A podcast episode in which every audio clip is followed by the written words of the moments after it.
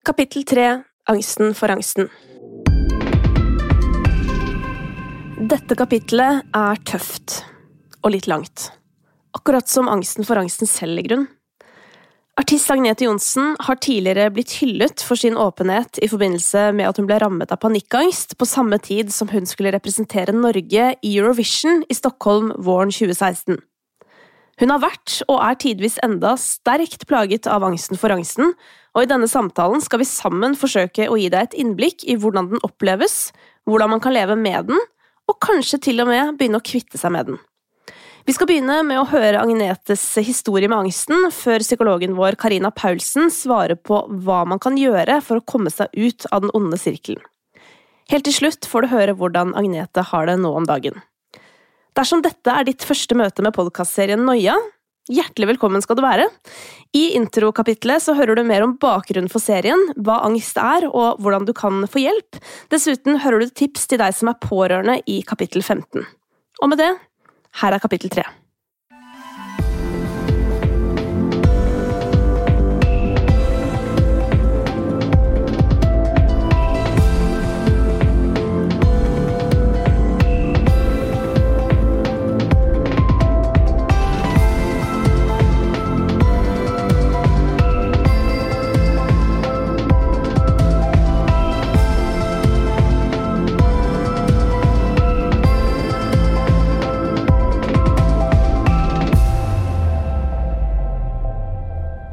Gjesten i dette kapitlet er Agnete Johnsen fra Nesseby, 23 år og artist. Velkommen hit, Agnete. Tusen takk. Du, før vi begynner på det kapitlet her, så vil vi gjerne høre din angsthistorie. Ja. Eh, altså, jeg klarer egentlig ikke å tidfeste, tidsfeste sånn skikkelig når jeg fikk angst. Fordi at jeg har på en måte egentlig alltid huska at jeg har hatt det, men jeg har ikke skjønt det. Eh, men når det begynte å liksom plage meg skolemessig, og at det, gikk utover alt annet rundt meg, det var på ungdomsskolen eh, når jeg var 13-14 år. Og da var det sånn at jeg fikk vondt i magen når jeg satt i timene og bare Jeg må ut. Jeg har skikkelig vondt i magen. Jeg føler at jeg kommer til å svime av eller spy eller Ja, sant. Og eh, nå i ettertid så skjønner jeg jo det at det var angst. Og så har det egentlig bare vært sånn i flere år til det skikkelig brøt ut med panikkangst og panikkanfall når jeg var rundt 16-17, skulle begynne på videregående. Prøvde det, gikk ikke så bra, jeg måtte slutte fordi at jeg, jeg hadde så mye angst, rett og slett. Så jeg prøvde meg på første året to ganger, men eh, det gikk ikke, rett og slett. Og for jeg tenkte jo liksom det, ja, det er musikk jeg vil holde på med, og ja, For jeg begynte jo med musikk profesjonelt. Uh, I gåsetegn. I gåsetegn, ja. uh, når jeg var 14, uh, når vi holdt på med The Black Sheeps og mm. Riescobena. etter det så har det egentlig vært sånn opp og ned med angst. Til BUP og til psykologer og til psykiatere og innlagt og ja, litt sånn her og der. Medisiner og ikke-medisiner. Helt til i dag eh, verste perioden jeg har hatt, er definitivt året 2016. Eh, 2015-2016. Det da Da var det sånn at jeg kommer til å dø angst. Da Veldig eh, altoppslukende, og ingenting var morsomt lenger. Eh, det å spille musikk var ikke morsomt. Det å dra på byen var ikke morsomt. Det å være med venner var ikke morsomt. Ingenting var gøy. Og nå begynner jeg å gråte. Mm. For det ja. mm. kjenner, kjenner, meg jo veldig igjen i det, da. Og det mm. er jo kanskje noe av det verste. Det er jo når du blir så fremmedgjort fra deg selv. At ja. du liksom føler sånn hvor ble, hvor ble, jeg av? Eller sånn, Man føler jo nesten at man har levd på en løgn ikke sant, hele livet, fordi plutselig alt du egentlig digger, ja, ikke sant? bare er helt sånn Man er ikke seg sjøl lenger. Nei. Og det var det er en sånn sorg, mm. rett og slett, som man bærer på, på en måte. At man har mista seg sjøl. Ja, vanskelig å forklare, men det er veldig sykt. Jeg tror ikke det er så mange som kan forstå det, egentlig. Eh, hvis man ikke sjøl har opplevd det, tror jeg. For jeg forsto det ikke. at angsten kunne bli så ille som det den var da. Det trodde jeg ikke. Men du sa jo at da du gikk på ungdomsskolen og hadde vondt i magen, og det her, så visste du ikke hva det var. Nei. Når var det du fant ut hva det var? Det var vel egentlig når jeg begynte å bli dårligere, når jeg fikk medisiner eh, når jeg var 18. Da eh, begynte jeg å skjønne at oi, jeg har jo kanskje hatt angst mye lengre enn det jeg trodde at jeg hadde hatt. Mm. Eh, for jeg gikk jo til BUP, altså barne- og ungdomspsykiatrien, når jeg var 15-16, fordi at jeg ikke gikk på skolen. Eh, fordi jeg hadde vondt i magen og ville rett og slett ikke være rundt andre elevene og lærere og sitte i ro. Og, um, så men da trodde jeg rett og slett det bare var at jeg vil holde på med musikk, jeg har ikke lyst til å gå på skole, liksom. Mm. Det, men det var det jo ikke, Nei. skjønte jeg da. I dag skal vi snakke om den gnagende angsten for angsten, som handler om at man stort sett hele tiden er redd for å få et nytt anfall, og gjennom dette kanskje begynner å unngå folk og situasjoner hvor man tenker at angsten kanskje kan dukke opp. Ja, ja, man er livredd for å få et nytt panikkanfall. Har du på en måte hatt noe konkret eh, erfaring hvor angsten for angsten har vært helt altoppslukende? Ja, altså Egentlig hele tiden. Em, jeg, var, jeg husker når jeg var um, Desember 2015 så fikk jeg mitt sånn første skikkelige panikkanfall, eh, hvor jeg trodde at jeg skulle dø. Eh, midt på natta, klokka fire på natta. Jeg sov hjemme hos foreldrene mine da og bare våkna og bare 'Mamma, nå må du ringe ambulansen. Jeg får hjerteinfarkt. Jeg holder på å dø.' Og eh, ble henta av ambulansen. Jeg bor jo langt borti Gokk, så det, vi måtte jo sitte og vente på ambulansen i en halvtime, nesten tre kvarter. Og jeg drev og prata med henne på 113 og bare 'Ja, jeg tror jeg kommer til å dø, og det, det er skikkelig ubehagelig.' Og, men hun var veldig flink hun på andre enden og klarte å roe meg ned og, og sånne ting, da, heldigvis.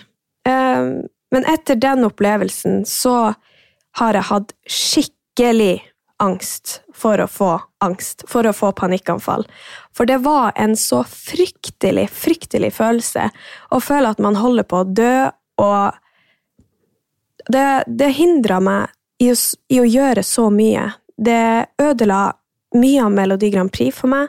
Det gjorde at jeg ikke klarte å prestere og være meg sjøl under Eurovision og, og alt det. Fordi jeg rett og slett var redd for å få panikkanfall og for å miste det helt. For å bare ja, hoppe ut av vinduet, eller ja, du skjønner Mm. hva jeg mener. Det, Ja, jeg, jeg skjønner veldig godt hva du mener, men for meg òg så er det så Det er nesten litt rart å høre deg fortelle om det, sånn at det på en måte ødela Eurovision for deg, og det skjønner jeg jo Mm. kjempegodt, at å være i en sånn setting med så mye press, og du har den verste perioden i livet ditt, jeg skjønner jo at det er helt uutholdelig, men samtidig så er det jo sånn at for meg som så det utenfra, og visste at du hadde trøbbel, så var jo det på en måte for meg noe av det sterkeste jeg kunne se et annet menneske gjøre. Og som på en måte betydde alt for meg. da, Og jeg tenker jo sånn at det er jo noe av det som kanskje faktisk en av enkelthendelsene som har gjort det eh, enklere for meg å leve med angsten for angsten. Ironisk nok, da. Mm. Og det er jo veldig spesielt sikkert for deg å høre, som hadde Ja. det så dritt da. ja. Jeg visste eh, da vi starta dette prosjektet, at dette kapitlet kom til å bli det vanskeligste å gå igjennom. Mm. Nettopp fordi det er på en måte den største lidelsen, syns jeg i hvert fall. Fordi å få det første panikkanfallet, det er helt forferdelig, og det kjennes jo ut som man skal dø. Uh, og man beskriver jo det ganske likt, ikke sant? Fordi når det treffer for første gang, så da føles det, det føles som det er ferdig. ja. Rett og Man vil bare rømme fra seg sjøl, og man tenker det at nå kommer kroppen min til å skru seg av. Det, den tåler ikke mer. Det er akkurat som du har skrudd opp volumen inni deg sjøl til 11, liksom, at nå er det nok. Nå klarer du ikke mer. Det er en veldig rar følelse. Veldig, veldig rart. Og så er det jo også det når du går og eh, bærer på den frykten for at det skal skje igjen, da. Det er jo da eh, type sånn 'nå blir jeg gal'-følelser begynner å komme, ikke sant? Fordi det tar på en måte opp all kraften din. Du tenker på det hele tiden.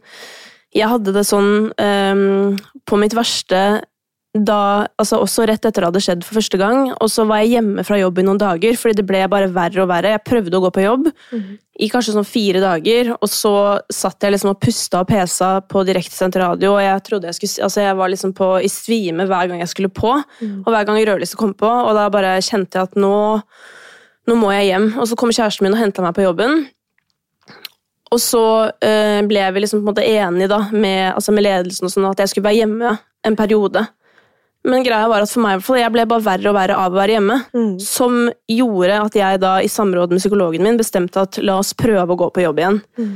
Men da kan jeg rapportere om to måneder, tror jeg, eh, hvor jeg ble livredd da jeg så bygningen, kom inn, og du vet Mm. Det var liksom som å være på tidenes jævligste treningsøkt. Bare yeah. gå inn, og når jeg kom opp i studio, det er et sånt stort, rundt bord oppe i P3-studio, så var det sånn å bare komme seg inn til bordet og bare få tak, og bare holde seg fast i bordet. Og så satt jeg og holdt meg altså fast, så jeg, jeg brukte altså så mye muskler i armer og skuldre at jeg bokstavelig talt jeg svettet liksom på jobben, fordi jeg var livredd for at det skulle skje. Og det skjedde. Mm. Jeg fikk panikkanfall i sending. Men det var et lite vendepunkt for meg, fordi det gikk greit. Ja. Forstår du? Jeg klarte å gjøre ferdig sendingen. Mm. Men var du ikke sliten etterpå? Sliten. Ja. Herregud, jeg er jo stiv i alle ledd nå. Ja, altså, jeg er jo helt ødelagt i fysikken min Ja, etter disse år, holdt jeg på å si. Mm. For det er så Det er så fysisk, Mm. det der. Det Altså, det det går ikke an å beskrive det. Det er som du skal springe et maraton. At du har sprunget et maraton. Du er gørkesliten, liksom. Mm. Da er det på tide å ønske psykologen vår velkommen inn i samtalen. Du har lytta til Agnetes angsthistorie. Ja. Det her eh, med angsten for angsten, Mm. det er eh, skikkelig dritt. Mm. Det beskrives jo som noe av det verste, ikke sant? og det er så innsnevrende også for, for livet. Fordi man jo, som i et ønske om å prøve å løse problemet, eh, begynner å eh, unngå triggere. Steder, situasjoner eh, som kan trigge et angstanfall. Og resultatet kan jo bli at, at også livsutfoldelsen blir veldig innsnevret. Så veien til f.eks. å bli veldig nedstemt, deprimert, eh, er jo også veldig kort. Em, men ja, angsten for angsten, eh, det er noe av det verste ved nettopp angst. Kanskje ikke angsten i seg selv engang, men angsten for at den skal komme. Ja, for Hvis du tenker på hvor mye tid du har brukt på den, da, i forhold til å ha anfall, ikke sant? Ja. Det er jo i er hvert fall dobbelt så mye, liksom. Ja, men jeg mye sånn. Anfallene er jo på en måte forsvinnende Ja. i forhold til hvor lang tid man har gått og Mm. rista, liksom. Jeg er veldig sånn at når jeg har hatt perioder hvor jeg har hatt mye angst og vært ganske deprimert og redd og alt sånt, så må jeg ommøblere.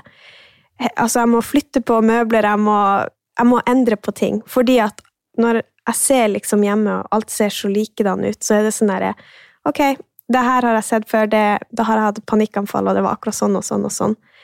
Så det er litt sånn merkelig greie. Samtidig så tenker jeg at det er veldig mye overlevelse i det. Mm. Fordi hjernen er bygget for overlevelse.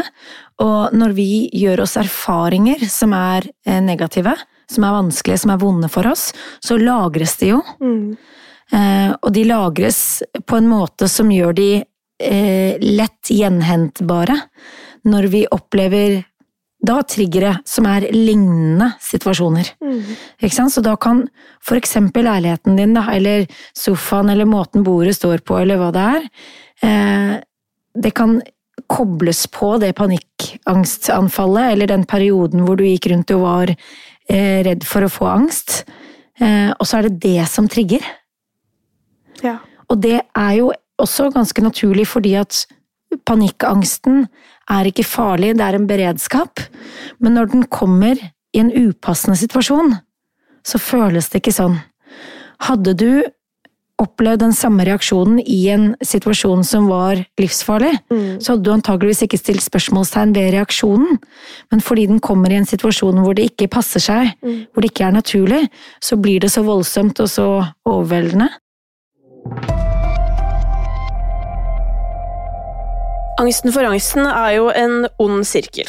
først så får man angst, og så blir man redd for å få den igjen.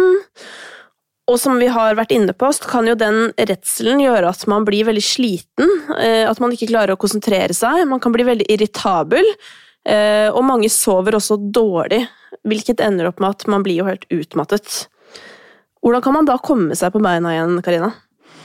Jeg tenker at eh, det er viktig å identifisere eh, både hva som foregår i tankene eh, i forbindelse med angst, fordi sannsynligheten for at det som går gjennom hodet ditt, at det forsterker angsten, er veldig, veldig stor. En annen ting er oppmerksomheten, fokuset. For noen kan det hjelpe å fokusere utover, eller forsøke for eksempel, som du nevnte, dette med å være hjemme fra jobb. Når du var på jobb, så opplevde du kanskje mestring, og kanskje kunne du også ha om så noen sekunder av gangen hvor du fikk fokus bort fra deg selv og på noe annet, som gjorde at du kunne glemme angsten litt. Em, så, så både identifisere eh, eh, triggerne i egne tanker, men også eh, hvordan, hvor oppmerksomheten er. Altså triggerne egne tanker. Jeg tror jeg ble trigget av hva som helst. Ja. Det var Uansett hva jeg skulle svare, bare sånn 'Å nei, herregud', 'Å herregud, Mm. tenk hvis det', og 'tenk hvis det', og hvis jeg møter de, da kommer jeg til å daue', 'Å herregud'. Og det var sånn uansett, ja. Og det er bra Ja. at man kan le av det litt innimellom òg, fordi det er jo meget spesielt. Det er det. Og at man går fra å være liksom, for en sosial person som bare elsker å være midtpunktet på festen, Ja. eh, til å bare sånn der, Jeg kan ikke gå på den festen. Og så sånn man sitter hjemme og rister og bare sånn derre «Ah, Herregud, jeg husker jeg liksom bare Simon, og så min kjæreste. Simon, vi kan ikke gå dit. Jeg kan ikke gå på familiemiddag. Altså, jeg kunne ikke gjøre noen ting, da. Mm. Det du beskriver der, Kristine, det er en tilstand av angst. Og det er igjen, da, hvis vi knytter det til overlevelse eh, Når du er i en tilstand av angst, så vil du se etter potensiell risiko. Du vil se etter det som potensielt kan være farlig for deg og din overlevelse. Eh, og så er det sånn at hjernen vår fungerer på den måten at det vi det vi er overbevist om, det ser vi også. Så vi vil tolke og tillegge helt andre hensikter og meninger til situasjoner og også personer i en tilstand av angst kontra i en tilstand av for eksempel en letthet eller en, når man har det godt, da. En av de mest paradoksale bekymringene handler jo om selve angsten. Eh, at man aldri kommer til å bli frisk, og at den aldri kommer til å slippe taket. At det er noe galt med deg, at man ikke er god nok, og at liksom angsten da kommer som selve beviset på at dette stemmer. Hva har du å si til folk som føler på det? Jeg får lyst til å understreke at angstreaksjonen i seg selv, de fysiske signalene, eh, de er ufarlige, men måten man begynner å tenke om de på, er det avgjørende. Og vi mennesker er meningssøkende ofte. Vi vil ofte finne ut av å forstå hvorfor. Eh, og da er det ikke så rent sjelden at man begynner å tenke at det må være noe galt med meg fordi jeg føler det sånn, og stille spørsmålstegn ved, ved angsten. Og tilstanden av panikk, eller tilstanden av angst, er ganske ubehagelig å være i fra før, og man kan godt komme til å føle at man mister litt kontrollen. Eh, Det føles ubehagelig, eh, og da er veien kort til å begynne å tenke jeg er i ferd med å- bli gal, Eh, blir jeg sinnssyk, mister jeg kontrollen over meg selv? Men det er viktig å tilføye her at det har ikke skjedd inntil videre. Det er ingen som har mistet kontrollen på den måten man er redd for i et angstanfall. Ja, for det husker jeg veldig godt når jeg var veldig dårlig. At eh, jeg var redd for å være alene. Eh, for jeg var redd for å få angst eller panikkanfall og miste kontrollen og bare Nei, nå drar jeg i boden og henger meg, liksom. At man mister kontrollen, på en måte. At, for jeg vil jo ikke dø. Jeg vil jo liksom Jeg vil jo leve livet mitt og være lykkelig, sant? Men eh, jeg er jo redd for at tankene mine ikke er sånn som jeg er når jeg får angst. Det er veldig ekkelt. mm, Eh, Jeg har stått og klamra meg fast eh, i T-banerekkverket, holdt jeg på å si. Eh, Overhodet ikke noe ønske om å ende livet mitt. Altså sånn, virkelig ikke. mm, Men bare man får sånn derre. Helvete, nå kaster jeg meg foran. ja, ja. Men det er jo òg ting Jeg husker jeg, jeg har vært så heldig at jeg har hatt veldig sånn gode pårørende hjemme. Jeg husker jeg fortalte det til kjæresten min, fordi det var, det var ganske tidlig i prosessen, og da husker jeg at jeg syntes det var ekstremt skremmende, fordi for meg ble jo det en sannhet. jeg har lyst til å ta mitt eget liv. Så det var det jeg gikk og tenkte på da, sånn, jeg har tydeligvis lyst til det. Mm. Det er jo jævlig sjukt, det må jeg si hjemme, fordi det er urovekkende, dette må vi passe på, liksom. Uh, og da sa han bare sånn, herregud, ja, altså sånn, det er helt vanlig å tenke sånn derre, hva hadde skjedd hvis jeg hadde kastet meg foran T-banen? Det er jo ikke noe unik tanke det. Mm. Det var jo bare med, igjen, meningen jeg tilla min tanke, som var sånn, faen, ja, kanskje jeg vil dø? Mm.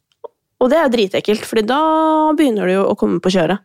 Ja, ja, ja. Altså, jeg utsatte å ta førerkortet mitt eh, til jeg var 23, eller ja, jeg tror jeg var 22. Eh, fordi at jeg var livredd for at jeg kommer til å kaste meg foran en eh, trailer, eller eh, kjøre inn i en fjellvegg, eller klikke helt og kjøre på en unge, eller sant. Livredd for det. Men eh, jeg fant ut at nei, vet du hva, nå skal ikke jeg la angsten styre det her. Jeg bor i Finnmark, jeg trenger førerkortet. Du trenger og- bil. ja, jeg gjør det. Så det var en sånn, eh, Og alle rundt meg motiverte meg og, og sa det som kjæresten din da på en måte forklarte til deg, at så klart tenker man litt sånn av og til at hva hadde skjedd hvis jeg hadde svingt med rattet rett foran den traileren der, liksom. Eh, Så det er liksom bare Jeg måtte roe meg med de tankene at ok, det er kanskje litt normalt å tenke sånn av og til. Det er ganske vanlige tanker. Eh, Men også igjen, når vi er i tilstand av eh, frykt eller angst, så vil vi sannsynligvis komme til å tillegge de typer tanker en helt annen betydning. Mm. Men hvordan var den opplevelsen da, når du gjorde det? Altså Selvfølgelig var jeg jo glad og bare yes, nå har jeg tatt førerkortet og jeg kan kjøre bil og jeg har vært flink og gått igjennom alt det her. Eh, Men jeg, kjæresten min henta meg på eh, trafikkstasjonen der, og, og så sa jeg til han ok, kult, jeg har klart førerkortet, vi tok en selfie og yes, Snapchat og oh, hei, liksom. Og så bare var jeg sånn nei, vet du hva, det her er dritskummelt. Jeg har ikke lyst til å kjøre bil. Eh, nå har jeg en makt som jeg ikke tror at jeg klarer å ha. Eh, og det er vinter, og det er glatt. Jeg tok lappen i januar, så det skumle greier. Eh, så det var, det var blanda følelser. Virkelig blanda følelser. det er bare den historien her er så digg å høre, fordi eh, alt jeg har kommet over som jeg har unngått, har jo blitt gjort akkurat på samme måte. Og følelsen når du klarer det, er jo nesten litt skummel, enten fordi det gir deg mer ansvar i form av at nå har faktisk du lappen, og nå kan du kjøre òg, og kanskje til og med noen kan komme i skade for å spørre deg om du kan kjøre bilen, ikke Ja. sant? Men det er jo òg det derre Herregud, gikk det bra?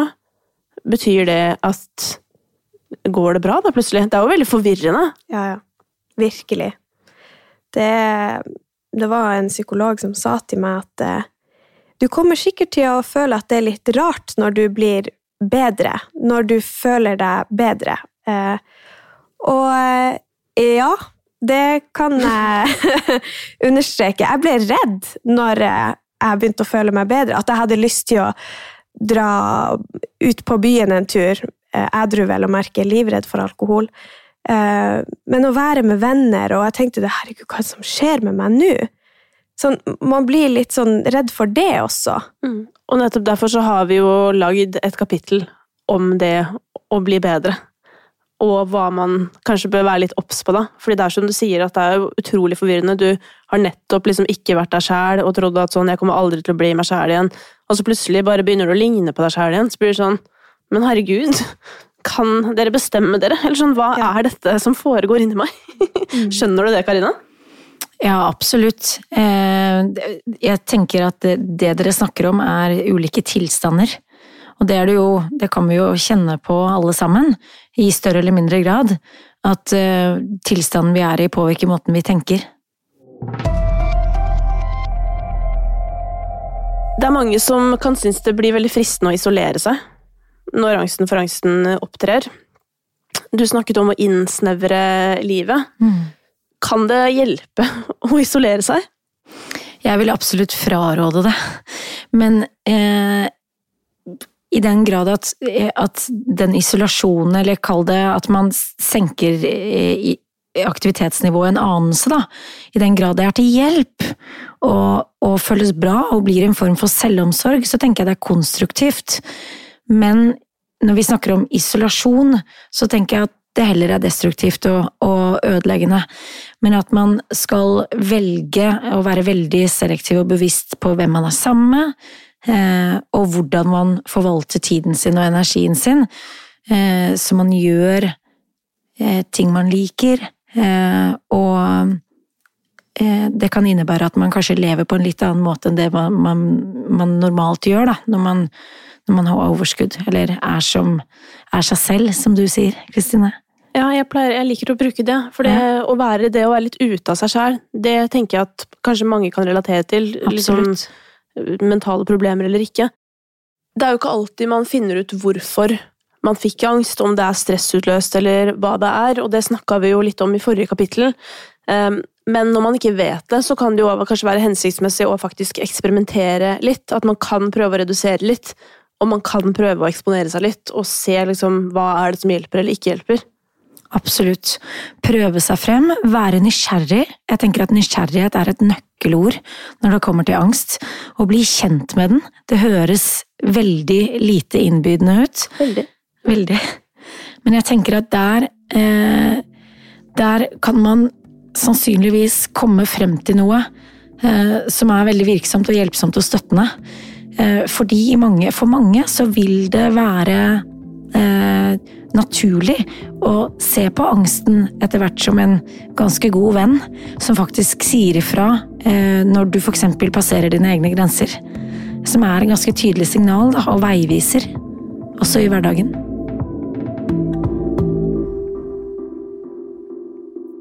Det å tørre å gi slipp på kampen mot angsten, og flytte fokuset utover, som du er opptatt av, Karina, det kan jo føles som et veldig stort sjansespill.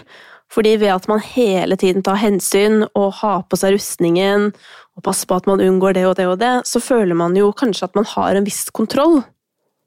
Og det er jo selvfølgelig veldig skummelt å gi fra seg. Hvor mye kontroll har du egentlig?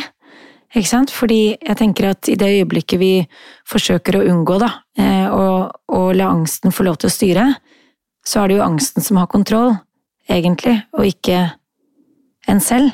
Mm. Eh, så det er fullt forståelig at eh, i det å ønske å eh, bryte den unngåelsen, eksempel, og, og, leve i tråd med det man ønsker seg, eller eh, slippe seg selv litt fri eh, fra, eh, fra, de grensene, eller fra de justeringene, så oppleves det som tap av kontroll. Men jeg tenker at det er akkurat der hvor du kanskje tar kontrollen tilbake. Paradoksalt nok.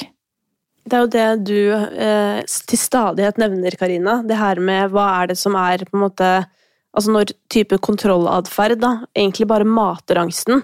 Og jeg som gikk eh, min siste kontrollatferd, bortsett fra at jeg fortsatt leter litt etter nødutgang, det er jo at jeg alltid har gått med en pose i lomma. Og det var på en måte det siste jeg slutta med av sånne kontrollting, fordi den siste posen i lomma, den hadde jeg i august 2017, eh, da.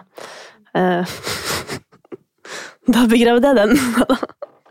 men, eh, men det er jo nettopp det, at det for meg der og da føles jo ut som trygghet. Sånn ja, men det går bra, det går bra hvis jeg må kaste opp, jeg har posa i lomma. Men det du vel mener, Karina, er jo at det egentlig kan være med å bidra til at jeg går og blir redd for å kaste opp. For allerede der så blir du fokusert på at du har den posen i lomma, at du må ha den posen i lomma. Eller du blir fokusert på at du må ha visse ting på plass. Eh, og så tenker jeg at eh, det er ikke enten-eller, det er nyanser i det her. Eh, og at man skal kanskje være litt nysgjerrig selv, da. Hva er det som blir unngåelse eller sikkerhetsatferd som, som, faktisk gir næring til angsten, og hva er, hva er, det som er konstruktive justeringer for meg? For noen trenger større forutsigbarhet enn andre, og, og der må vi skille mellom et overdrevet kontrollbehov og en forutsigbarhet og en, en planmessighet som man kan hvile i, da. Så man kan også gjøre seg opp noen tanker om hva er det jeg unngår, og på hvilken måte er det sikrer meg, og hva er det som faktisk hjelper, hva er nyttig? Eh, hva gir meg økt frihet eller ro, eller virker også på lang sikt, og ikke bare på kort sikt. Mm. For eksempel når du nevner sånn mennesker, hva slags mennesker jeg har rundt meg, det er jo nesten noe av det beste med å få angst, at man begynner faktisk å sette litt spørsmålstegn til sånn hva er det jeg bruker tiden min på? Og der vil jo nok være ganske mye bra å hente, etter hvert som man begynner å få ting i perspektiv, i hvert fall. Men nysgjerrighet, eksponering, prøve å begi seg ut på de tingene man har eh, vært redd for. Det er jo viktig, og den vanligste og kanskje beste måten, mest effektive måten å bli kvitt angsten for angsten på. Men det er ikke så lett, Karina. Nei, det, det krever mye. Hva er første steget ut i en form for eksponering? Eh, det kan være konstruktivt å for eksempel skrive en liste eh, over eh, eh, det man har begynt å unngå, eller den måten man sikrer seg på, og rangere det etter hvor mye angst det ville skape å slippe av med det. og enten da starte nederst med det som trigger minst angst, og jobbe seg oppover, eller starte med det man er mest motivert for, og ønsker seg aller mest. Og så kan man gjøre helt konkrete eksperimenter, som for eksempel å trene og gå på konsert. Det har jeg gjort. Ikke sant?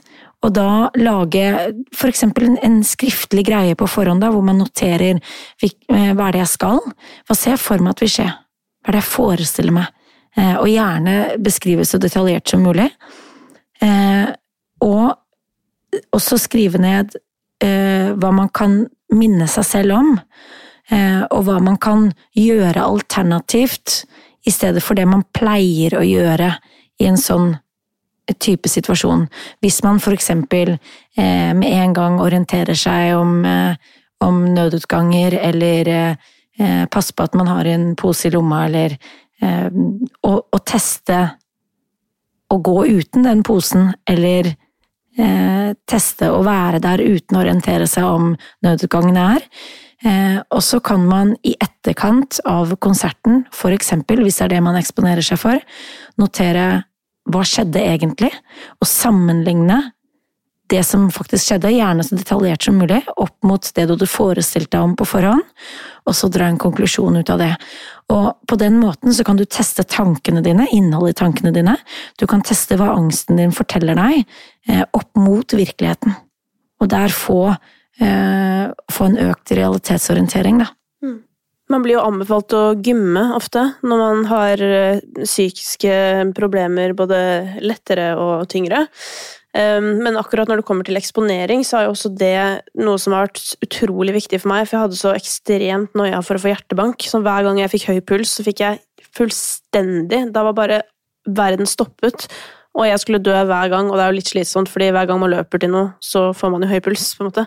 Så det ble en veldig sånn plage for meg. Ehm, og det tok mange ganger på trening før det ga seg.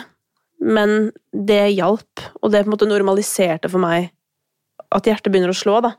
Så det syns jeg kanskje har vært det deiligste med å på en måte eksponere seg for ting. Det er på en måte det at det tatt, Jeg syns det har tatt lang tid. Jeg er skuffa over eh, behandlingsformen. det sånn skal ta lang tid, Kristine, fordi det er overlevelse. Ja da. Men det er provoserende at man eh, har liksom ti panikkanfall, da. Si det. Og så må du eksponere deg liksom 70 ganger før det, ting har blitt normalt. Det, jo, det skjønner jeg godt. Ja. Er det altså meningen at det skal ta så lang tid med eksponeringsterapi? Husk at kroppen din er overbevist om at du er i livsfare. Det er det angst handler om. Eh, og du skal overbevise hele systemet ditt om at du ikke er det. Så ja, det kan ta noe tid. Hvor lang tid det tar, eller hvor mange eksponeringer eller nye erfaringer du trenger, det er vanskelig å si, og det er forskjellig fra person til person. Eh, fra eksponering til eksponering også. Eh, men å ha tålmodighet og justere forventninger eh, og prøve å akseptere der hvor man er, det er liksom noen ganske eh, retningsgivende og takknemlige nøkkelord.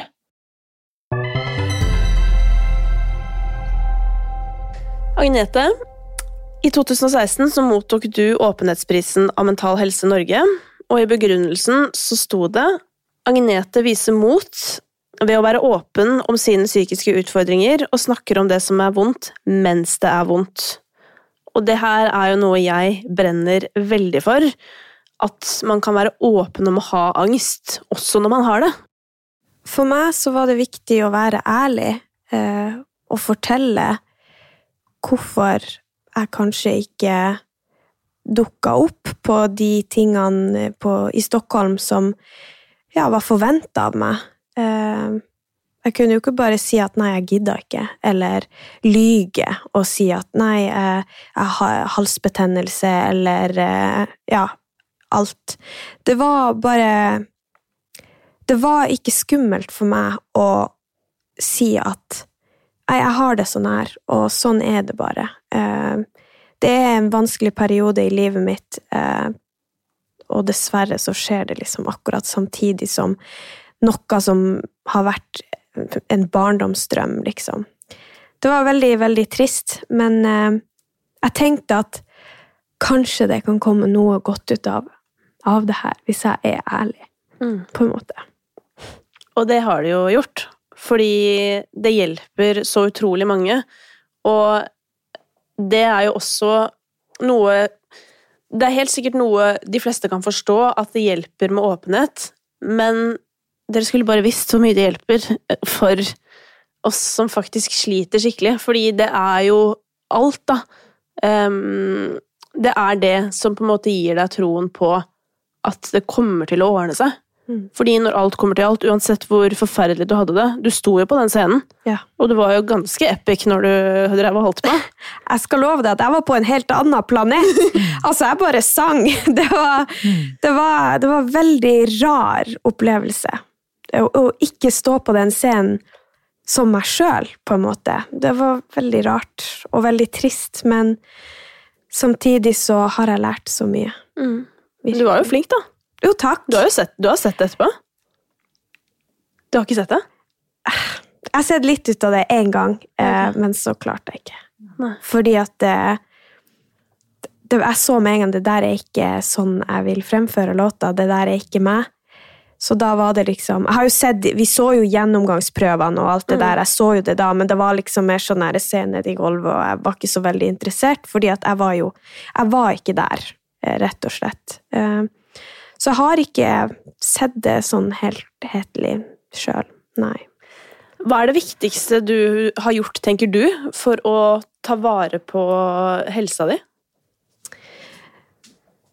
Det viktigste jeg har gjort for meg sjøl, tror jeg er å akseptere eh, at eh, jeg har litt utfordringer. Eh, jeg må kanskje ta litt ekstra hensyn til meg sjøl enkelte ganger, og ja, velge å kanskje av og til stå over enkelte ting fordi at jeg må ikke presse meg sjøl for hardt.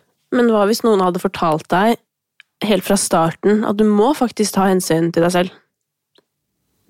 Hva, Det- hva mener du? Det er noe alle mennesker må. Vi må sette grenser, og vi må ta ansvar. Mm. Det, det er noe det, Du setter meg litt ut der, faktisk. fordi jeg tror ikke det er noe jeg har tenkt på. Jeg har alltid vært sånn at jeg skal være flinkest, jeg skal være best, jeg skal, jeg skal vinne alt. Jeg skal sant, være på topp hele tiden. Og egentlig ikke bry meg så veldig mye om meg sjøl, sånn sett. At det, det skal gå på bekostning av alt. Eh, og eh, jeg har egentlig ikke tenkt at det kanskje er vanlig å ta hensyn og droppe ting av og til og sånn. Kan man da si at angsten på mange måter også kan være din beste venn, som faktisk eh, roper høyt nok til at du tar hensyn til deg?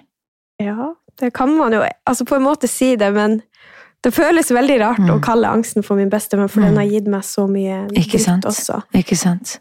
Det, Men jeg syns det er en interessant tanke, da. At Mm. hvis noen hadde fortalt deg fra du var liten, mm, at det er veldig viktig at vi på en måte tar vare på oss sjøl, at vi ikke går At vi ikke sier ja til ting vi ikke vil. Bare sånne enkle Mm. ting. Da. For Mm. hvor ofte har du ikke sagt ja? Sånn, ja, jeg kan gjøre det. Hvor ofte har du ikke møtt opp i et intervju du ikke hadde lyst til? Hvor ofte har du ikke vært i en Mm. studiosituasjon hvor du kanskje har følt at ting ikke har vært som det skal, og så bare gjør du det? ja.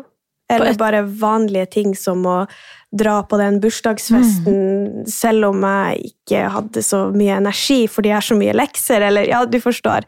Eh, men jeg har nok fått høre det, men jeg tror ikke jeg har tatt det til meg. Jeg har ikke det. Jeg fikk jo høre det hele tiden, blant annet når vi var på når Black Ships eh, hadde mye konserter, og vi reiste på turné, og uh, mamma prøvde jo å bremse det her. Hun sa til meg du er jo bare en unge. Du kan ikke spille 25 konserter i løpet av en sommer når du er så ung. Du må ta vare på deg sjøl. Uh, men uh, det, det ville jo ikke jeg høre på, så jeg kjørte jo bare på. Og det gikk jo ikke så bra. Jeg måtte jo avlyse en del ting fordi jeg var sliten. Så mamma har jo rett.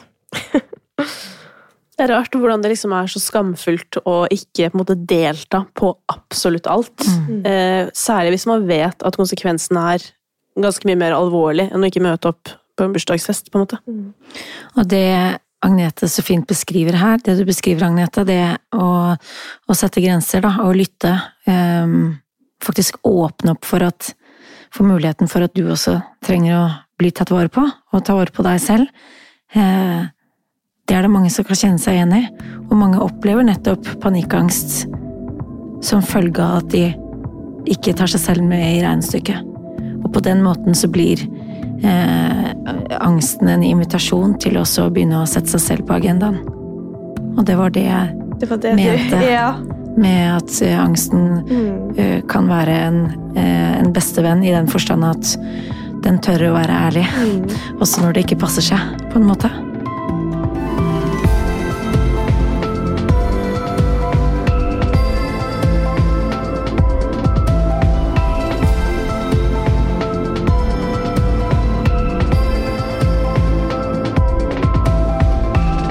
Tusen hjertelig takk til Ekstrastiftelsen og Rådet for psykisk helse for at dere hadde troa på prosjektet og valgte å støtte det.